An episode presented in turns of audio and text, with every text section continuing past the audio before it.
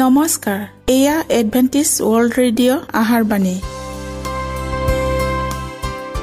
ষোল্ল মিটাৰ বেণ্ডত সোতৰ হাজাৰ আঠশ দহ কিলোহজত এডভেণ্টিছ ৱৰ্ল্ড ৰেডিঅ' যোগে অসমীয়া ভাষাত প্ৰচাৰিত আহাৰ বাণী প্ৰত্যেক বুধবাৰ আৰু দেওবাৰ সন্ধিয়া সাত বজাত আহাৰ বাণী শুনাৰ পিছত আপোনালোকৰ কিবা মন্তব্য আৰু প্ৰশ্ন থাকিলে আমালৈ এই ঠিকনাত লিখক। আমাৰ ঠিকনাটি হৈছে Adventist World Radio' seven day Adventist মণ্ডলী অসম শাখা লতাকাটা বশিষ্ঠ গুৱাহাটী সাত আঠ এক শূন্য দুই ন।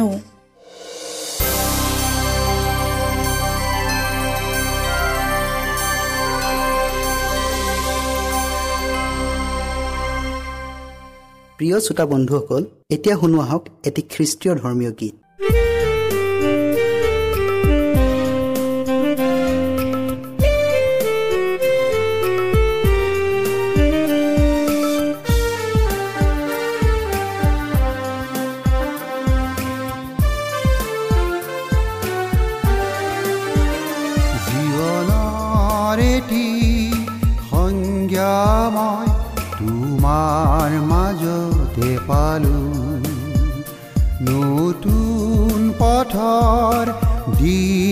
তোমাৰ পৰশতে পালো।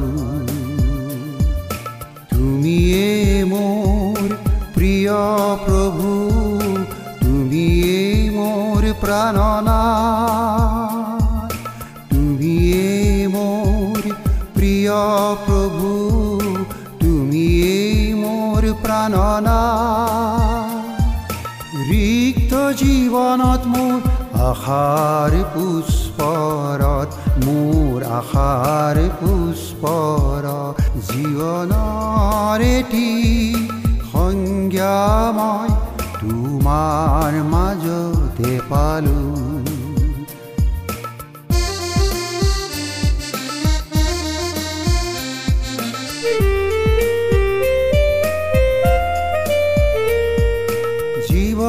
পথত গতি কৰি মই পথ হাৰা যে হলো জীৱনৰ পথত গতি কৰি মই পথ হাৰা যে হলো বাহুলৈ অহা প্ৰকৃতিলৈ চাই তোমাক বিচাৰি পালোঁ। জীৱনৰ এটি সংজ্ঞা মই তোমাৰ মাজতে পালোঁ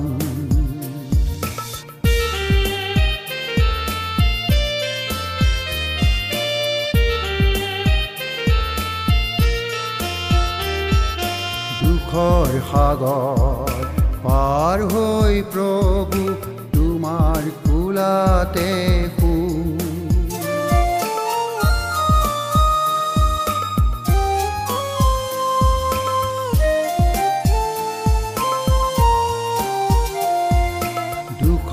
সাগৰ পাৰ হৈ প্ৰভু তোমাৰ কোলাতে শু আকাশৰ নীলি বুকুৰ সিপাৰে গৈ তাতে নম বিশ্ৰাম আকাশৰ নীলি বুকুৰ সিপাৰে গৈ তাতে নম বিশ্ৰাম দূৰ কৰা মোৰ অমানিশা তমসাৰ বন্যা আঁতৰা নয়নে দেখে যে উজ্জ্বল সি পুৱা উজ্জ্বল সি পুৱা জীৱনৰ এটি সংজ্ঞা মই তোমাৰ মাজতে পালোঁ নতুন পথৰ দিশ তোমাৰ পৰশতে পালোঁ। তুমিয়ে মোৰ প্ৰিয় প্ৰভু তুমিয়ে মোৰ প্ৰাণনা। তুমিয়ে মোৰ প্ৰিয় প্ৰভু তুমিয়ে মোৰ প্ৰাণনা। জীৱনত মোৰ আশাৰ পুষ্পৰত মোৰ আশাৰ পুষ্পৰত জীৱনৰ এটি সংজ্ঞা মই তোমাৰ মাজতে পালো তোমাৰ মাজতে পালো তোমাৰ মাজতে পালো প্ৰিয় শ্ৰোতা বন্ধুসকল আহক আমি খন্তেক সময় বাইবেল অধ্যয়ন কৰোঁ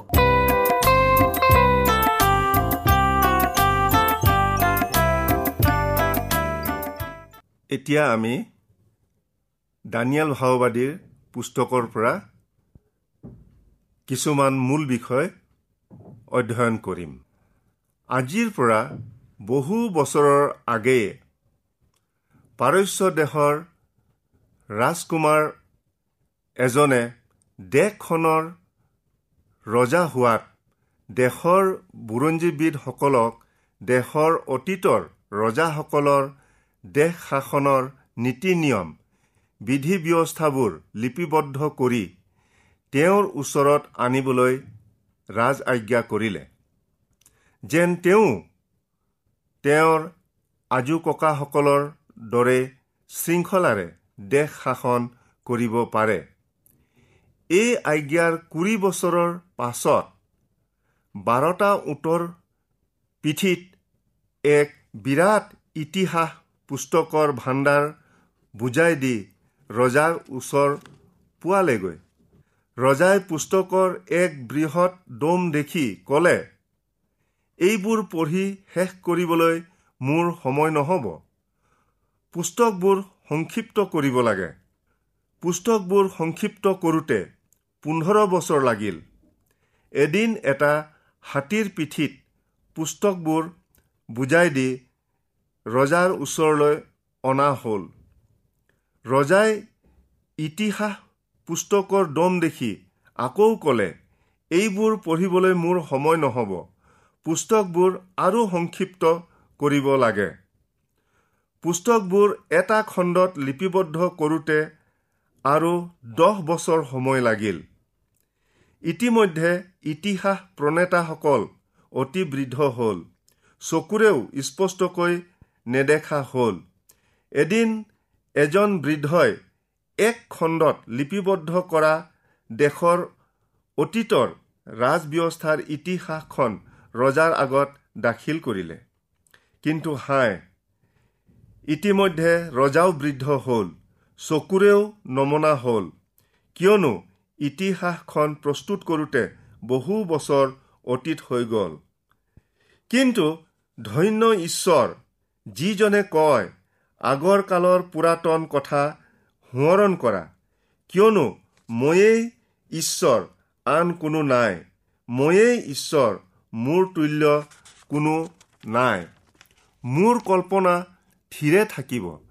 আৰু মোৰ সকলো বাঞ্ছা সিদ্ধ কৰিম।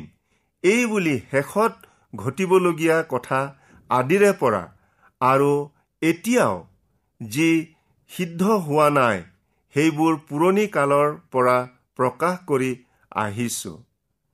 আমাক এক হাজাৰ আঠষষ্ঠিটা শব্দেৰে পৃথিৱীৰ অতীত বৰ্তমান আৰু ভৱিষ্যতত ঘটিবলগীয়া আটাই গুৰুত্বৰ বিষয়বোৰ জনাই আহিছে।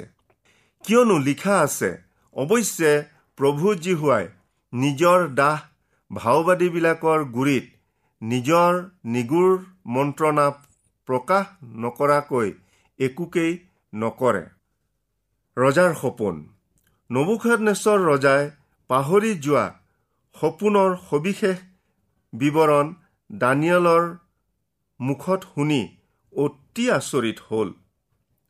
ৰজাই যেতিয়া তেওঁ দেখা সপোন আৰু সেই অদ্ভুত জন্তুবোৰেৰে প্ৰতীকীকৰণ আৰু সাংকেতিকবোৰৰ বিস্তৃত বিৱৰণ দানিয়েলৰ দ্বাৰাই স্পষ্টকৈ জানিলে তেতিয়া আচৰিত হৈ বৰ্ণনাবোৰ অতি মনোযোগেৰে শুনিলে। দানিয়েলে ক'লে হেই মহাৰাজ আপুনি ৰাজাধিৰাজ আপুনিয়ে সেই সোণৰ মূৰ সোণ যেনেকৈ সকলো ধাতুৰ ভিতৰত অতি মূল্যৱান আৰু শ্ৰেষ্ঠ ঠিক তেনেকৈ সেই সময়ত বাবিল সাম্ৰাজ্য জগতৰ সকলো সাম্ৰাজ্যতকৈ অতি ঐশ্বৰ্যশালী আৰু সমৃদ্ধিশালী আছিল। বাহিৰা শত্ৰুৰ আক্ৰমণৰ পৰা ৰক্ষা পাবলৈ নগৰখনৰ চাৰিওফালে তিনিশ ফুট ওখ আৰু ষাঠি ফুট প্ৰস্তৰে আগুৰি থকা গড় আছিল। নগৰখন পোন্ধৰ বৰ্গ মাইল ব্যাসৰ আৰু পূব পশ্চিম উত্তৰ আৰু দক্ষিণে পঁচিছটাকৈ ৰাজপথ আছিল। নগৰখন ইউফ্ৰেটিছ নদীৰ ওপৰত অৱস্থিত আৰু ওলোৱা সোমোৱা কৰিব পৰাকৈ নদীখনৰ ওপৰত দুয়োমূৰে সাতখনকৈ প্ৰকাণ্ড প্ৰকাণ্ড দুৱাৰ আছিল।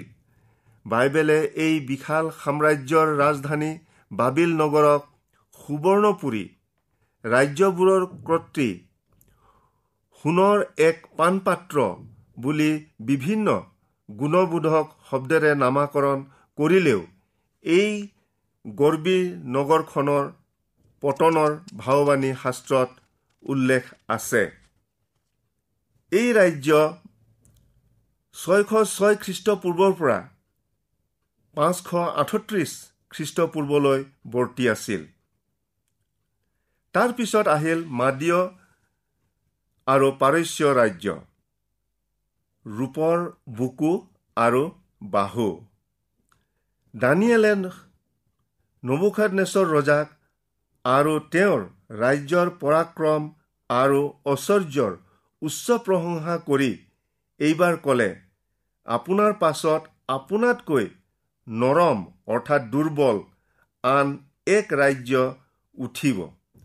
অৰ্থাৎ বাবিল ৰাজ্যখন চিৰস্থায়ী নহয়। ৰূপ যেনেকৈ সোণৰ দৰে বহুমূলীয়া নহয় তেনেকৈ বাবিলৰ পাছৰ বিশ্বব্যাপী ৰাজ্য মাদীয় পাৰস্য বাবিল ৰাজ্যতকৈ দুৰ্বল হ'ব।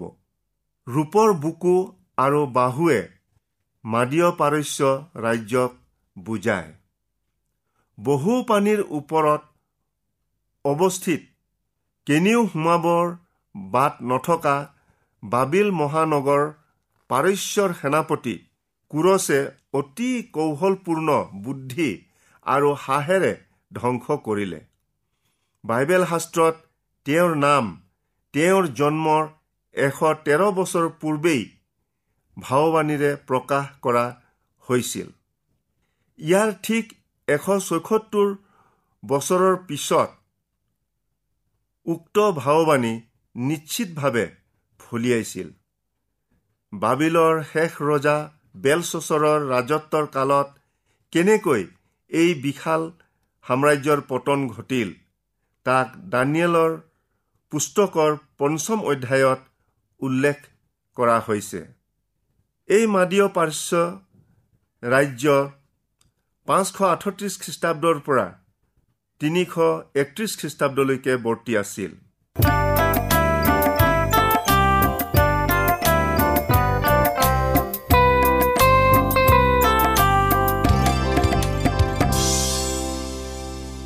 ইমানপৰে আমি বাইবেল অধ্যয়ন কৰিলোঁ এতিয়া আকৌ শুনো আহক এটি খ্ৰীষ্টীয় ধৰ্মীয় গীত।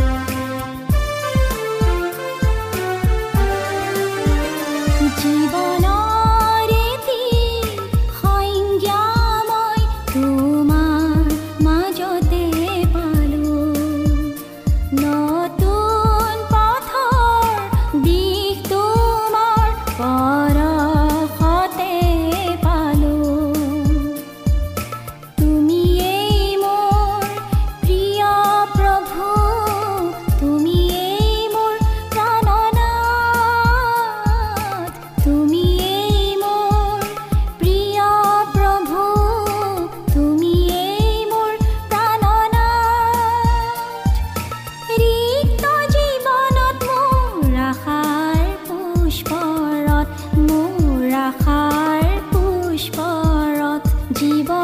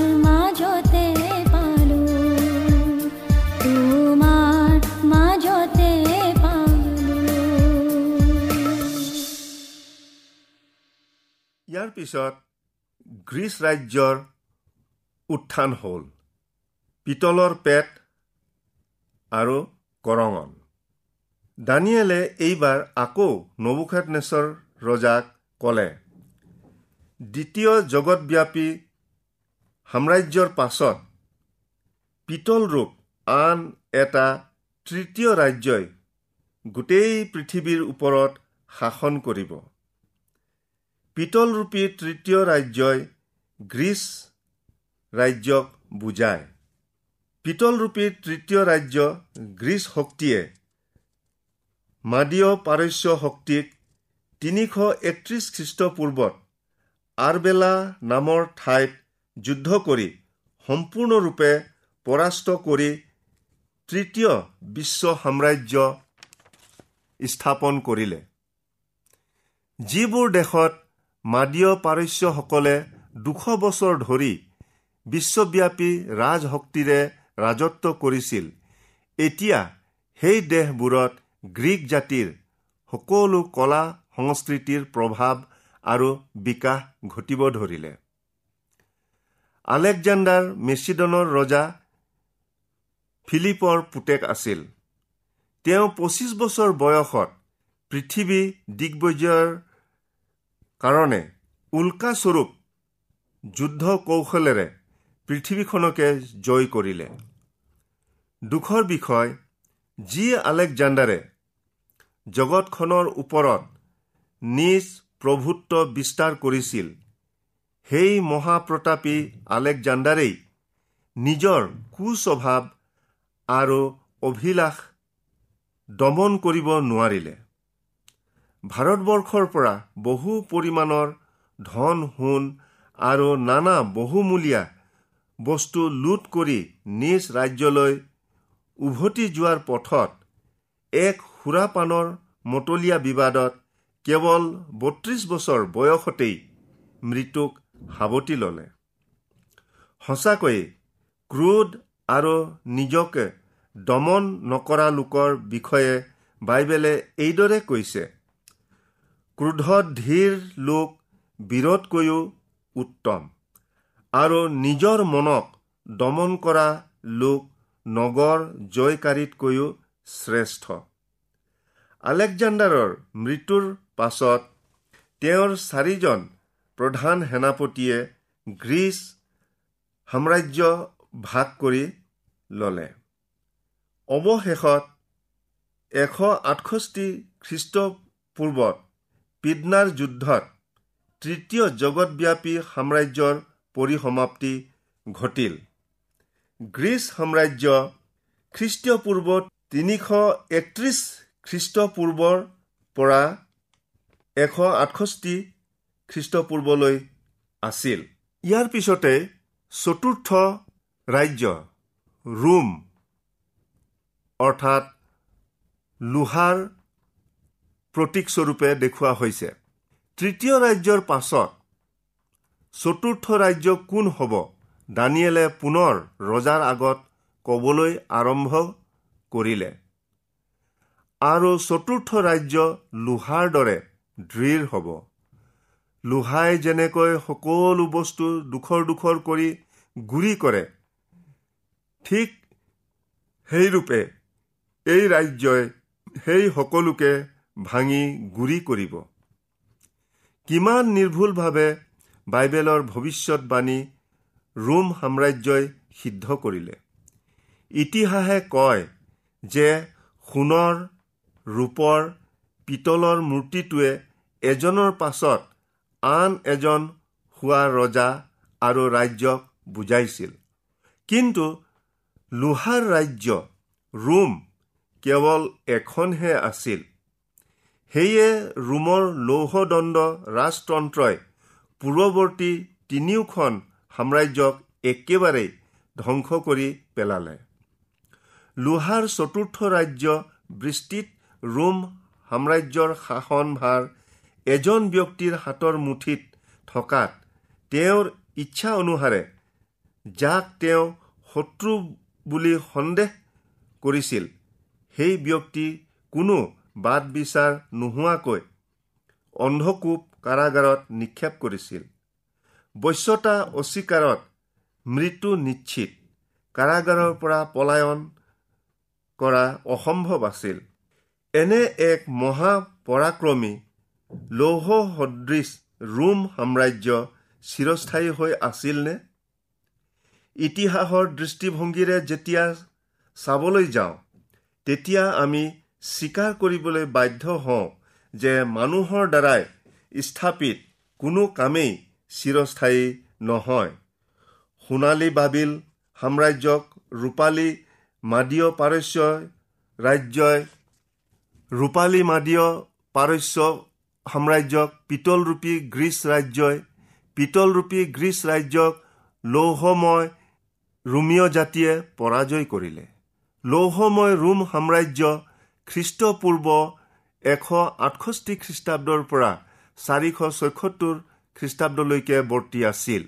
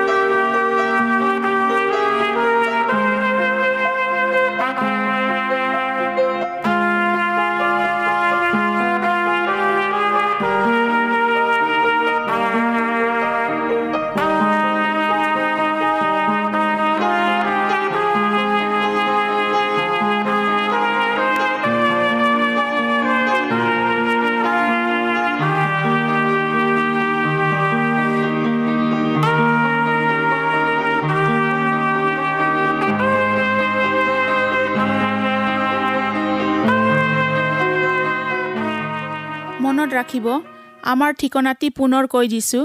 Adventist World Radio' Assam region of seven day Adventist Voice of Hope Lotakata Basistha Guwahati seven eight one zero' two nine প্ৰিয় শ্ৰোতা বন্ধুসকল এডভেণ্টিজ ৱৰ্ল্ড ৰেডিঅ' যোগে আহাৰবাণী প্ৰচাৰত আপোনালোকক পুনৰ লগ পোৱাৰ আহাৰে আজিলৈ সামৰিলোঁ।